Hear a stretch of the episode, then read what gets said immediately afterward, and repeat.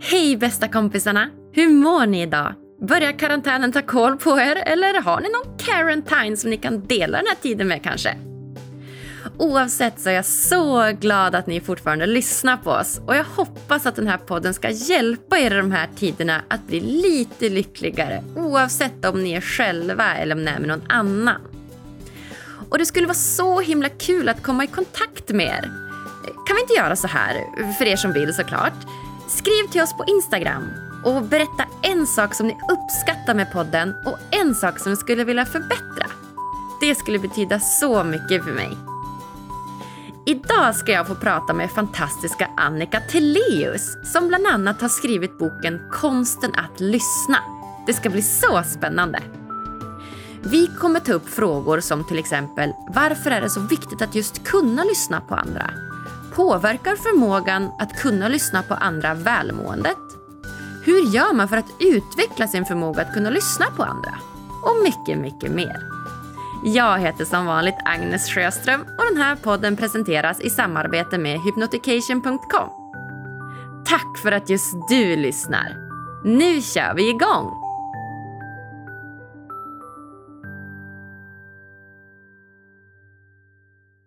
Då säger jag varmt välkommen till Lyckopodden Annika Teleus! Tack! Jätteroligt att vara här. Det är lite speciella tider här när vi får sitta på två olika håll men jag tänker att det ska nog gå bra ändå. Det tror jag. Du, hur är läget? Är du i karantän något eller hur ser det ut? Ja, eh, jag jobbar ju rätt mycket med att hålla föreläsningar och så. Det har ju verkligen påverkats. Så att eh, det blir digitalt i viss del, men eh, mycket är ju framskjutet. Jag förstår det. Har du löst det med digitaliseringen eller hur går det? Ja, men det går eh, rätt så bra. Jag prövar som alla andra och testar mig fram.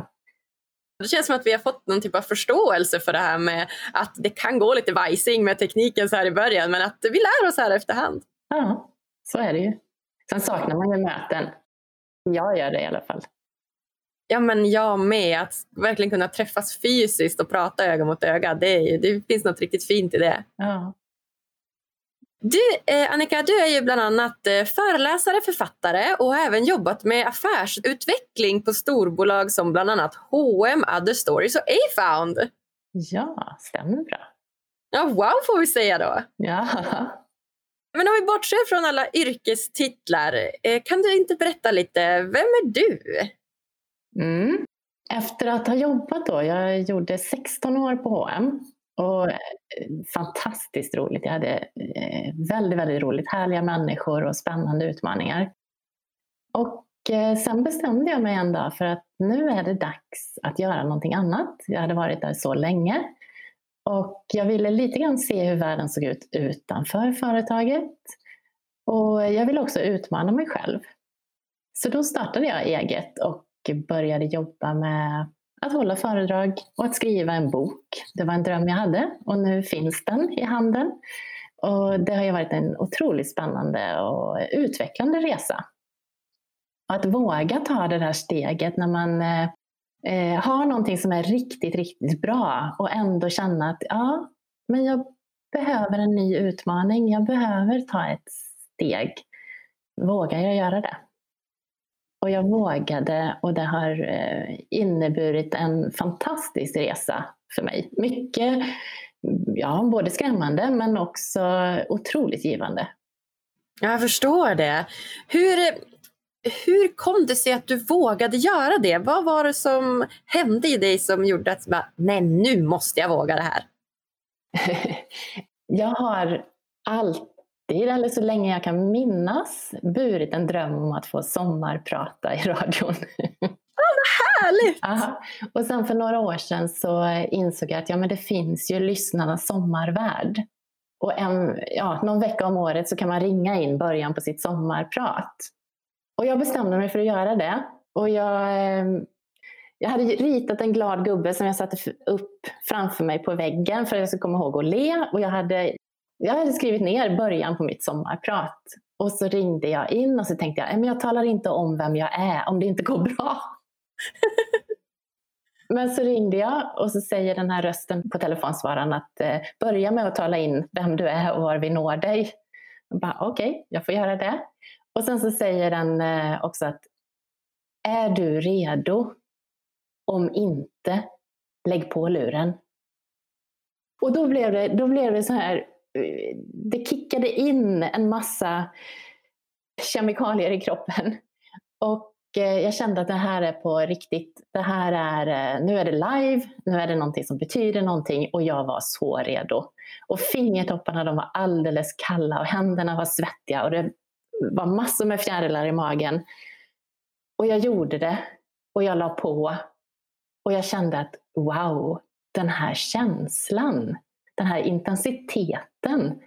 Jag älskar ju den. Den här lite nervositeten att ja, det är på riktigt, det är på allvar. Och jag gör någonting som jag inte är helt bekväm med. Och så blev nästa steg att, ja men när hade jag den på jobbet senast? Och jag hade precis varit eh, ute på turné. Jag hade lyssnat på unga tjejer. I, jag hade börjat i Göteborg, jag hade fortsatt i Moskva, Beijing, Shanghai, Hongkong och jag hade inte haft den en enda gång. Och då kände jag att jag är lite för bekväm på mitt jobb. Det är dags att jag gör någonting nytt. För jag vill åt den här känslan. Oh, wow, verkligen så himla inspirerande. Och vad fint att du lyssnar på dina känslor så mycket. Att det är just den känslan du vill åt. Ja. För annars tycker jag att det är så himla vanligt att man går efter tanken. Så här, vad borde jag göra? Vad bör jag göra? Vad är coolt att göra? Medan det känns som att du verkligen grundade ditt beslut i den här känslan. Ja, men precis så är det. För det är ju inte riktigt klokt att säga upp sig från ett välbetalt eh, jobb på ett toppenföretag.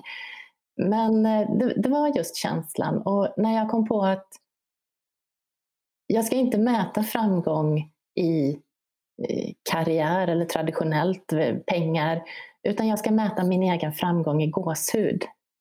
Ja, vad fint! Mäta framgång i gåshud, det är perfekt! Ja, och det kan vara både att jag orsakar gåshud, att jag kan berätta en historia så att någon blir berörd och känner att oh, wow, nu händer det någonting. Eller att jag kan få den själv. Det gjorde också att jag mer vågade ta steget. För vem kan säga nej till gåshud? Vem kan säga nej till gåshud? Jag håller helt med. Gud vad härligt. Det ska bli mitt nya motto. Mät framgång i gåshud. Det är perfekt. Det vi ska göra idag här, eh, Annika, det är att prata om din nyaste bok Konsten att lyssna, vägen till större tillit och bättre relationer. Ja. Så spännande.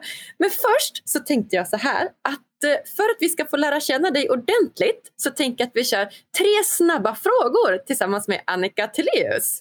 Och eh, jag har förberett tre stycken frågor och de så vill jag att du svarar på med din första intention, det första som kommer upp i huvudet. Okej. Okay. Nu, nu, nu är händerna så lite svettiga och fingertopparna är lite kalla. Ja men det är perfekt, lite gåshud här då. Okej, okay, då kör vi. Vilken superkraft hade du helst velat ha? Um, jag hade velat vara osynlig. Vilket är ditt bästa lifehack? Oj, ja men det måste jag säga, det är att lyssna. Vad gör du när ingen ser på? Då badar jag badkar och läser böcker i badkaret.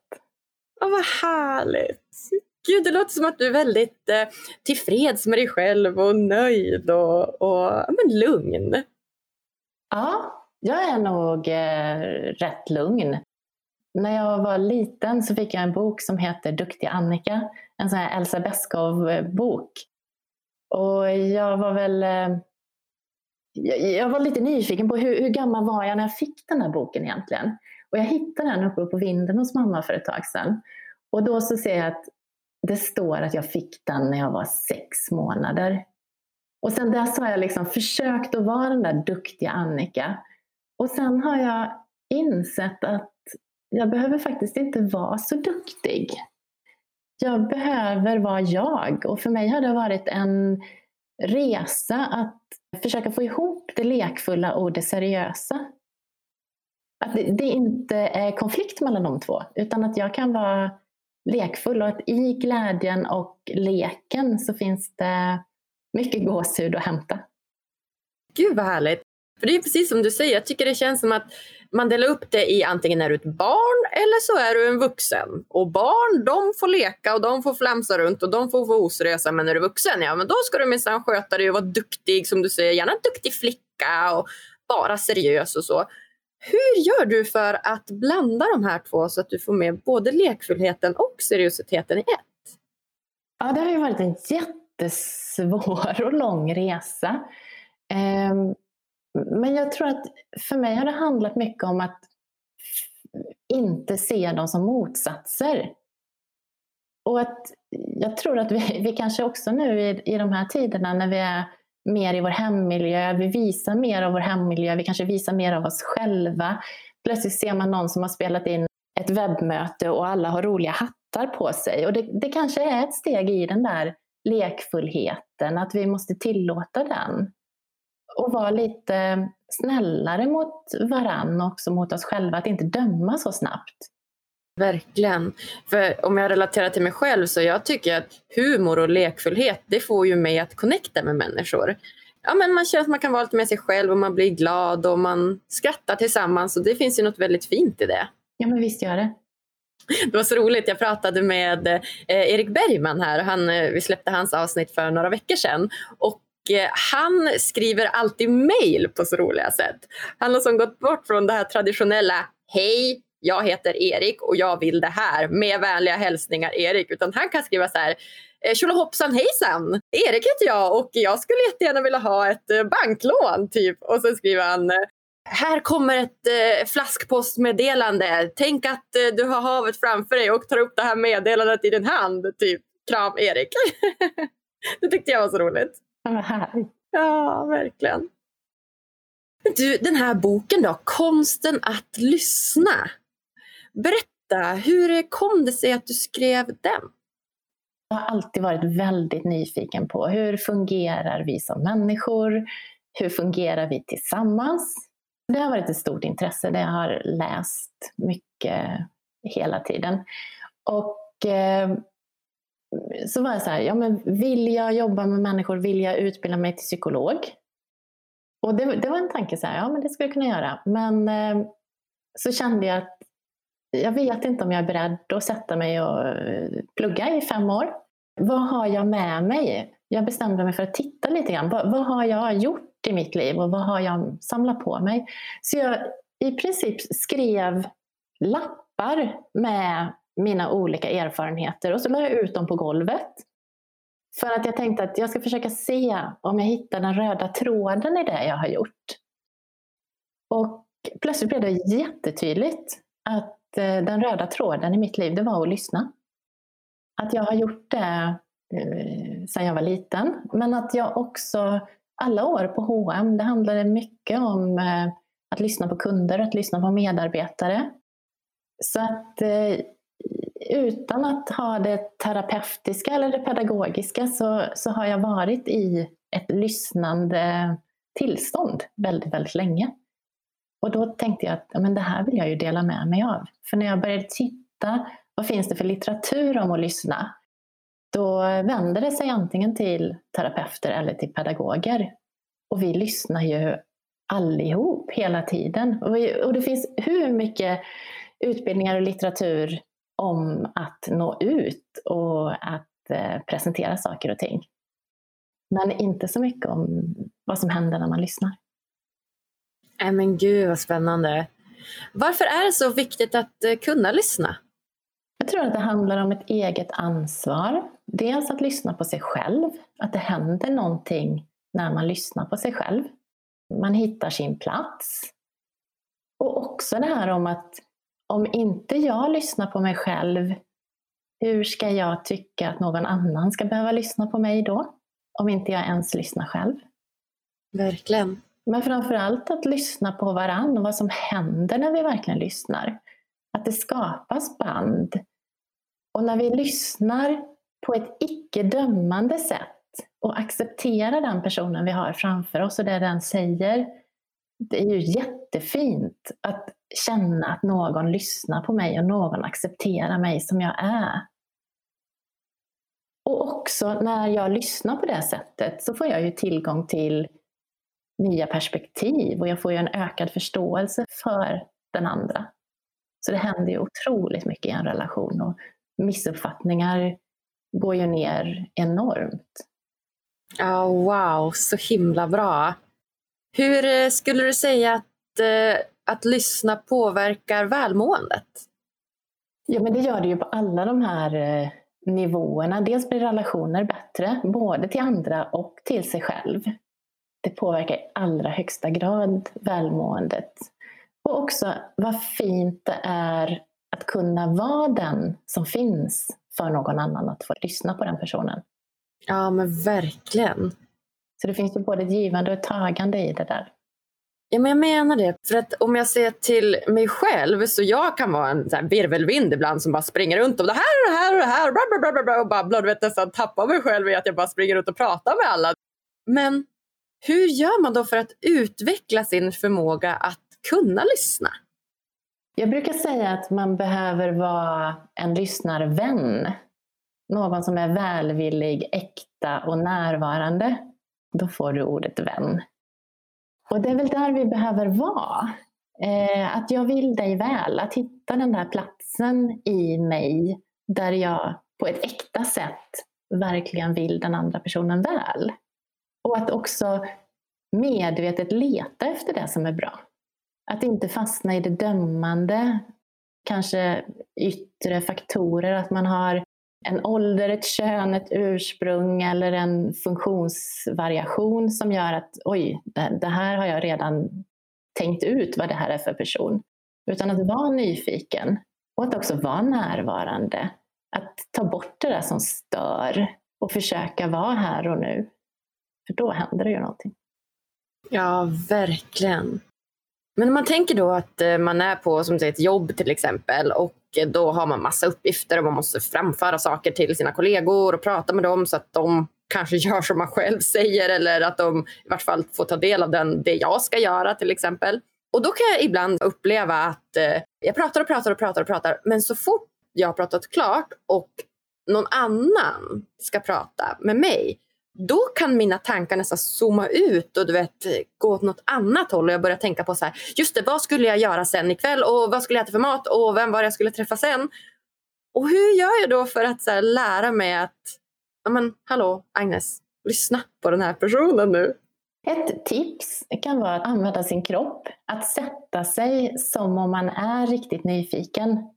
Att luta sig lite framåt och försöka ha den där ögonkontakten och ofta så kommer då en större nyfikenhet, att kroppen vet hur man gör när man ska lyssna.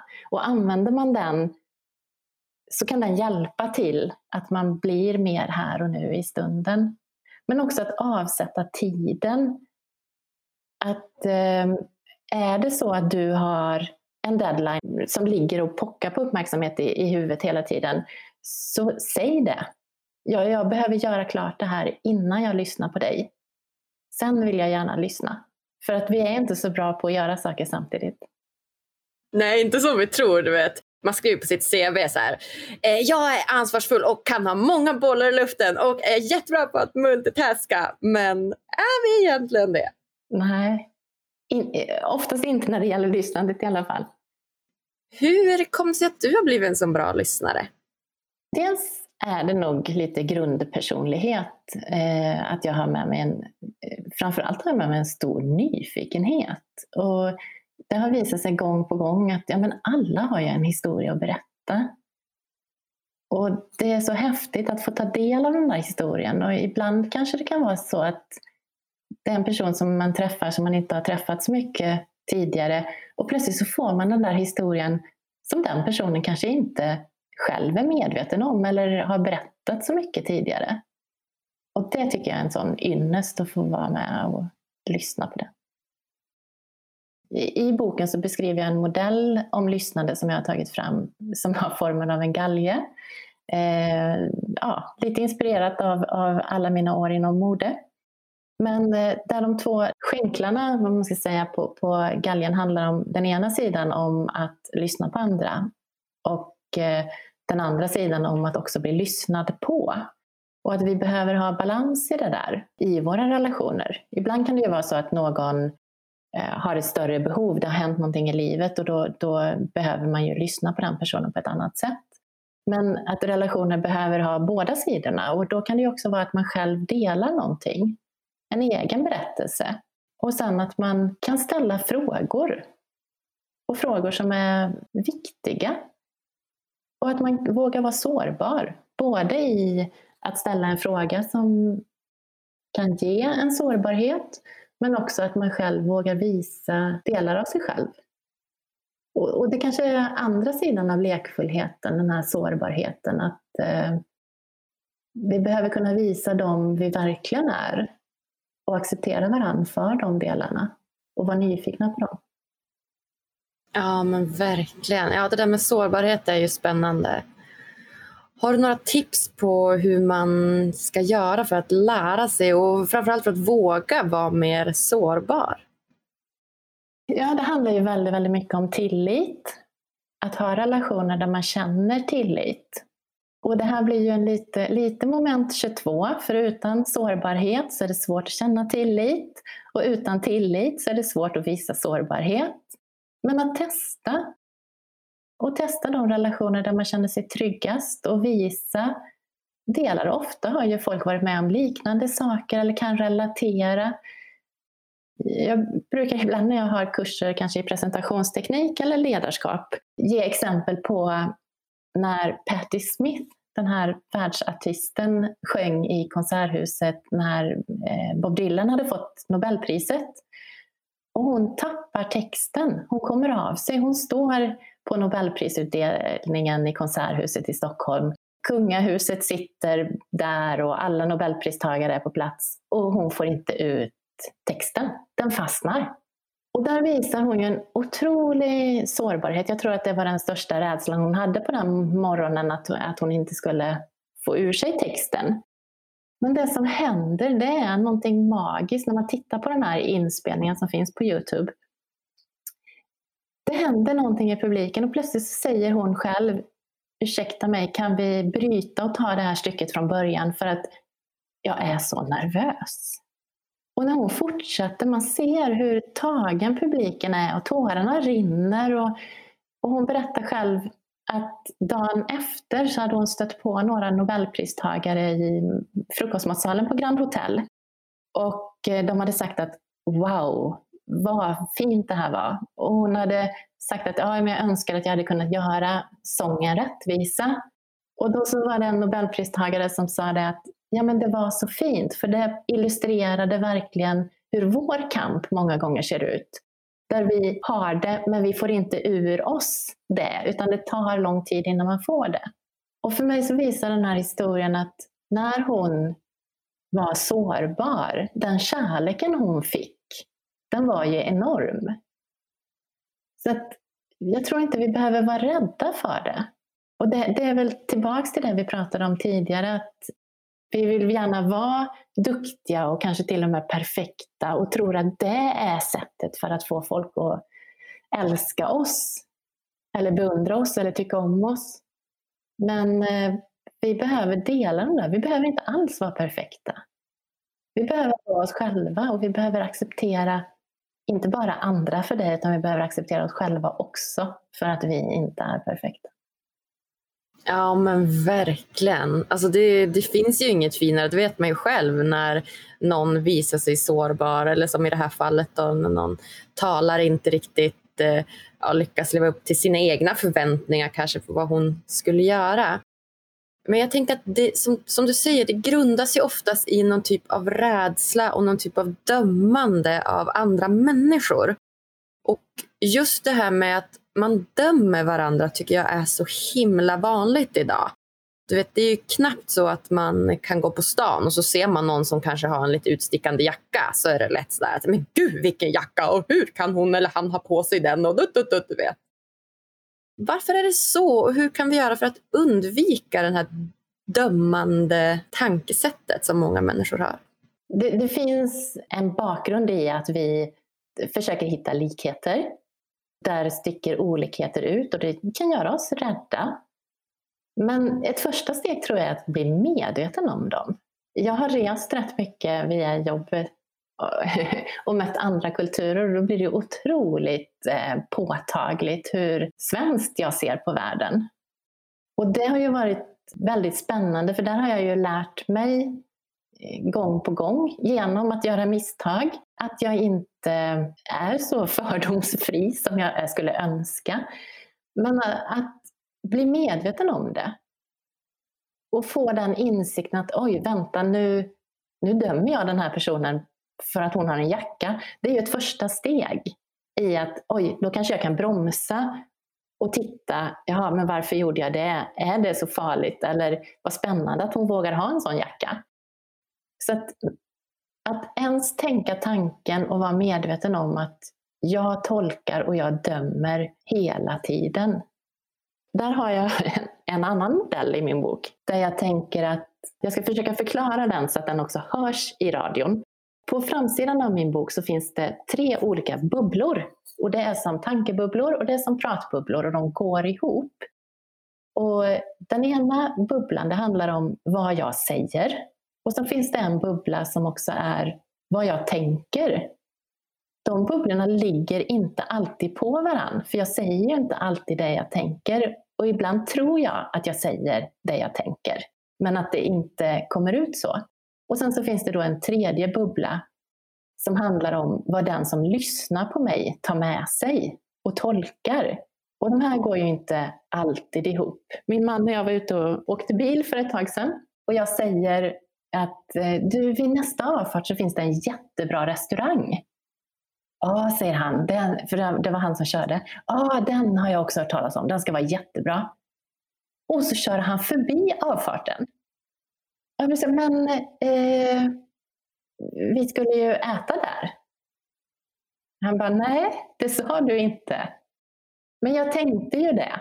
Och jag hade ju jag hade tänkt att Åh, där ligger en jättebra restaurang, där vill jag att vi ska äta. Men vad jag sa, det var att där ligger en jättebra restaurang. Ja, sant. Att, eh, vi kan ju inte förvänta oss att andra ska gå omkring och vara tankeläsare när vi inte förmår sätta ord på det vi själva tänker. Och där, där är det ju många gånger eh, vi går fel, både när vi själva pratar men också när vi lyssnar på andra. Att ställa en fråga till. Eh, jag hörde det här, var det så du menade? Så att vi kan eh, vara tydliga både för oss själva och för andra. Ja men verkligen. Och där ser man ju hur lätt det faktiskt kan uppstå missförstånd när man pratar. Hela tiden. Så tydlighet helt enkelt, att vara lite tydligare i det man vill förmedla så att den andra personen har möjlighet att uppfatta det på det sättet man menar. Ja, och också när man lyssnar att man stämmer av. Nu har jag hört dig säga det här. Var det så du menade? Just det. För många gånger så vi kanske lägger in olika betydelser i samma ord. Så att vi, även om vi använder samma ord, så ser vi olika bilder och, och olika saker för oss. Vem skulle man säga bär ansvaret i det här? Är det båda två? Både den som faktiskt verbalt säger något och den som tolkar det som sägs? Ja, det ska jag säga. Ja, just det. Så om man då vill bli en bättre lyssnare i det här som du sa, så dels så sa det här med nyfikenhet, att man faktiskt kan vända sig och, eh, och ja, men visa med kroppsspråket att även fast mina tankar snurrar iväg så, så försöker jag liksom ändå med kroppsspråket visa att jag vill lyssna och då automatiskt kanske man lyssnar lite mer. Vad finns det mer för tips som man kan använda för att bli en, en bra lyssnare? Att eh, inte döma. Just det. Att också ha med sig tanken att jag kan ha fel. Och, och vill man inte gå så långt, det kanske gör ont, så kan man kanske tänka att den andra kanske också har rätt. Det kanske finns fler sanningar. Eh, vi säger att du och jag står mitt emot varandra. Och på marken mellan oss så ligger en siffra.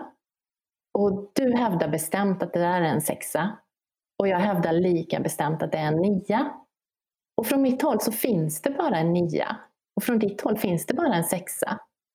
Folk som står vid sidan om, de kan se att ja, men titta, ni har ju faktiskt olika perspektiv och båda har rätt.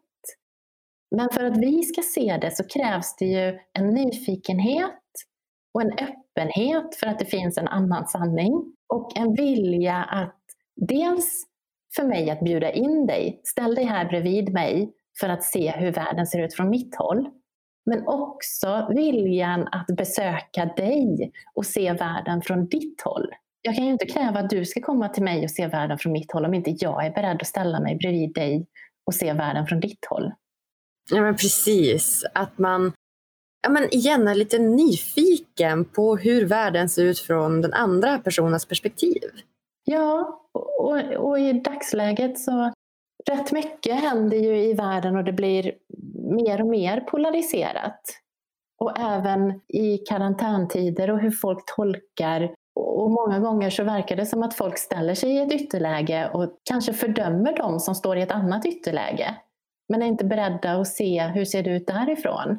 Vi behöver nog eh, tänka att det finns fler sanningar och vara nyfikna på vad är det som har skapat den bilden du har från ditt håll och vad kan jag lära mig därifrån?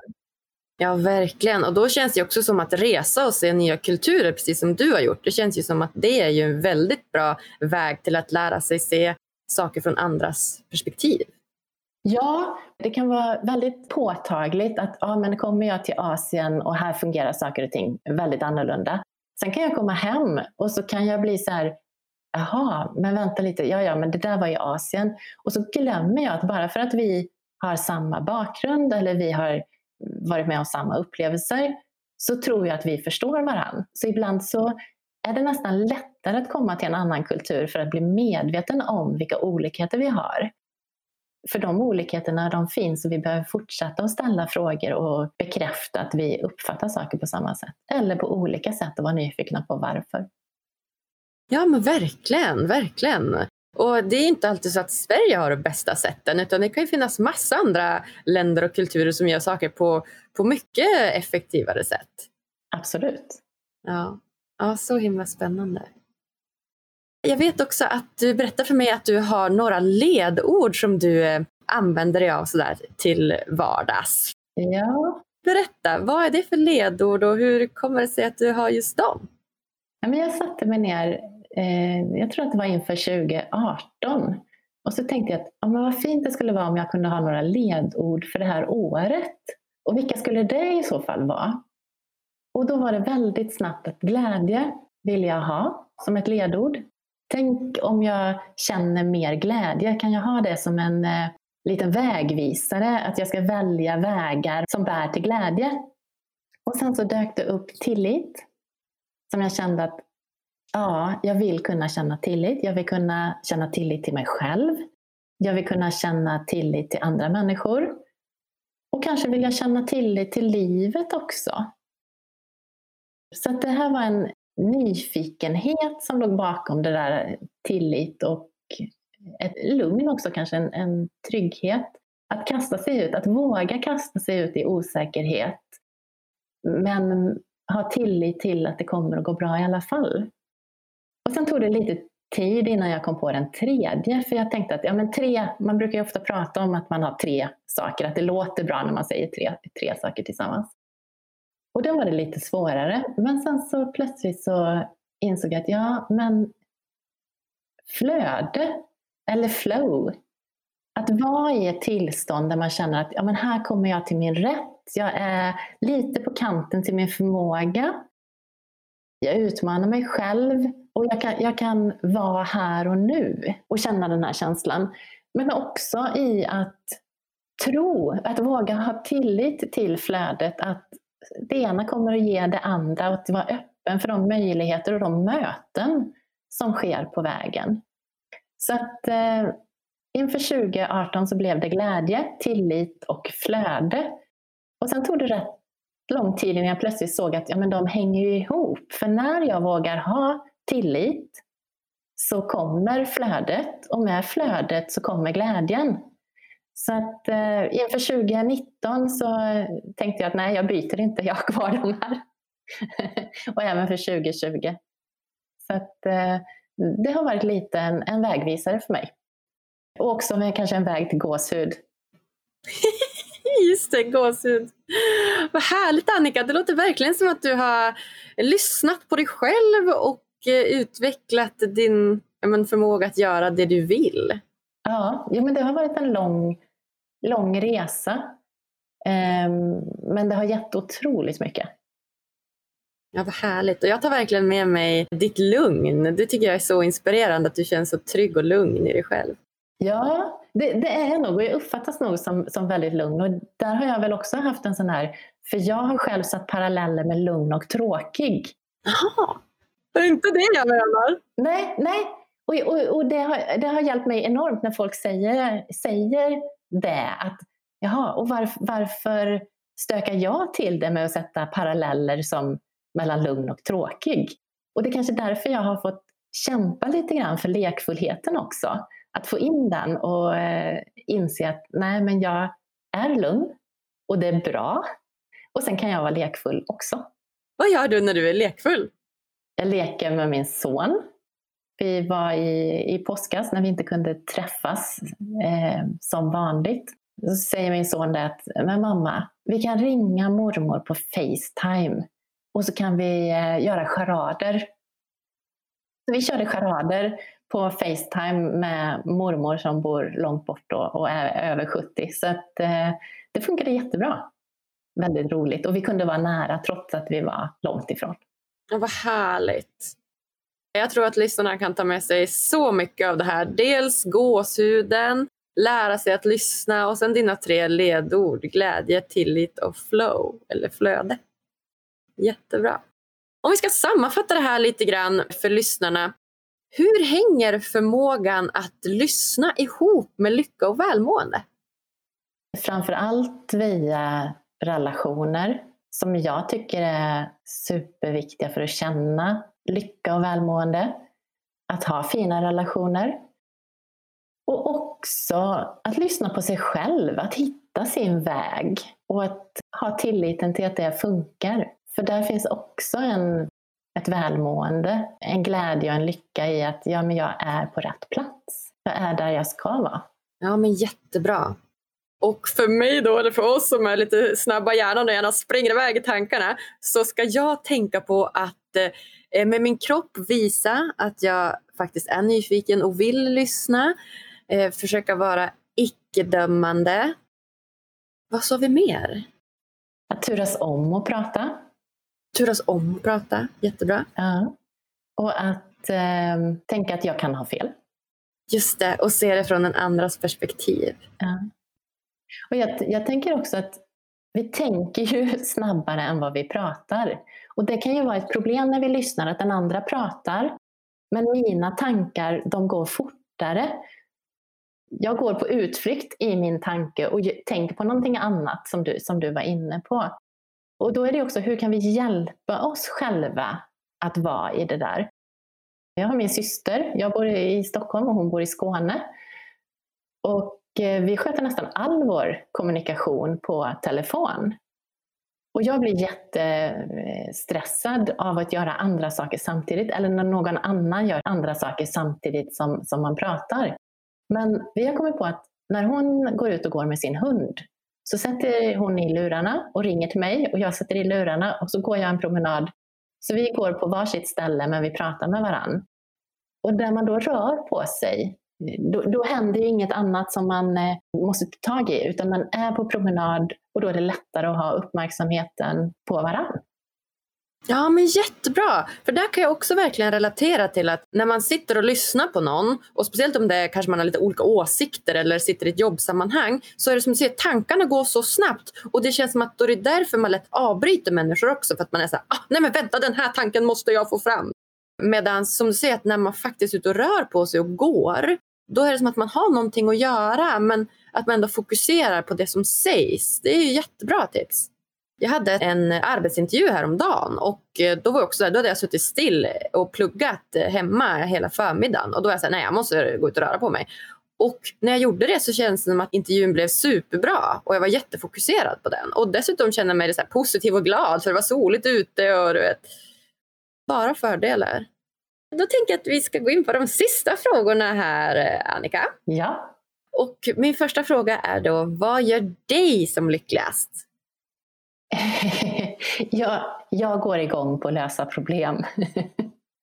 jag tycker det är fantastiskt att hitta flöden. Så när, när jag ställs inför ja men det här, det här är ett problem, hur ska vi lösa det här? Det gör faktiskt mig lycklig av att få en utmaning och eh, göra den. Att möta människor är en annan. Att lyssna och få, att få vara där för någon som kanske inte brukar bli lyssnad på eller som inte brukar lyssna på sig själv. För när jag lyssnar på någon så kan det också vara en hjälp till att den personen kan lyssna på sig själv. Och att tankarna klarnar hos någon som jag lyssnar på. När någon kommer till insikt på, ja men så här kan jag ju göra. Det här är mina egna svar. Det gör mig också lycklig. Plus att vara med min familj och mina nära vänner och så. Det, det är också jättehärligt. Ja, vad härligt. Det låter helt fantastiskt. Så mycket relationsskapande egentligen. Mm. Ja, men vad fint. Om du fick ge lyssnarna en utmaning som de kan göra varje dag för att bli lite lyckligare, vad hade det varit då? Ja, lyssna på varandra. Lyssna på dig själv. Vad härligt. Om du har något snabbt tips, hur gör man för att lyssna på sig själv? Ja, den kan ju vara svår och där kan det ju faktiskt vara att man behöver låna någon annan för att någon annan ska lyssna och att man själv hör sig berätta, att det blir tydligare för mig själv när jag berättar för någon annan. Ett annat tips kan vara att skriva ner, att anteckna saker och ting och att fundera. Vissa lyssnar på sig själva när de är ute och rör på sig och är ute och springer. Så att också fundera på vilka frågor är det jag skulle vilja ha svar på. Och sen att ta sig tiden att fundera runt dem att låta det vara tyst. Att inte Eh, falla för frestelsen att eh, söka stimulans hela tiden. Utan att våga vara i tystnad, för det händer rätt mycket. Även i ett samtal, att inte behöva svara direkt, utan det finns en kraft i att vara tyst. Jag behöver inte formulera en ny fråga direkt. För om jag är tyst på ett accepterande sätt så kanske den andra kommer till en klarhet också. Och det är så skönt när ingen bryter in och när ingen kommer med de där goda råden som man inte har bett om. För det händer ju rätt ofta när man pratar med någon. Ja men verkligen, att de vill komma med sin version. De har ju säkert en god intention i det som du säger men att ibland så, så finns det något fint i att lyssna och våga vara, våga vara i tystnad, både med sig själv och med andra. Mm. Vem hade du velat ska gästa Lyckopodden? Oj, eh, det är så många. Jo, men jag ska tipsa om eh, Caroline Moore. Det är en vän till mig som eh, hon har drömt om att bli golfproffs i hela sitt liv och sen eh, strax efter 20 så fick hon ehm, eh, sin proffslicens. Och eh, bara några veckor därefter så fick hon reda på att hon hade cancer i knät och var tvungen att amputera sitt ena ben. Men hon har vänt det här till att se otroligt positivt och jobbar med mental träning och föreläser mycket om det idag och ser, ser ja men hon har ju ett ben kvar. Och faktiskt två månader eller tre månader efter amputationen så vann hon SM i golf tillsammans med sin syster. Ja men wow! Mm. Ja, det låter ju verkligen som en inspirerande person. Vilken vändning! Ja. Spelar hon golf idag? Det gör hon, men inte som proffs. Fantastiskt kul att, ha dig med här i Lyckopodden Annika. Tack snälla för att du ville komma och gästa oss. Tack, det var jättekul att vara med. Ja men shit så himla bra hörni. Hädanefter ska jag verkligen börja fokusera på att lyssna på andra mer. Så himla inspirerande. Tycker ni det här var lika bra som jag? Prenumerera gärna på Lyckopodden och följ oss på sociala medier. Tack för att just du lyssnar. Vi hörs på tisdag igen. Puss och kram!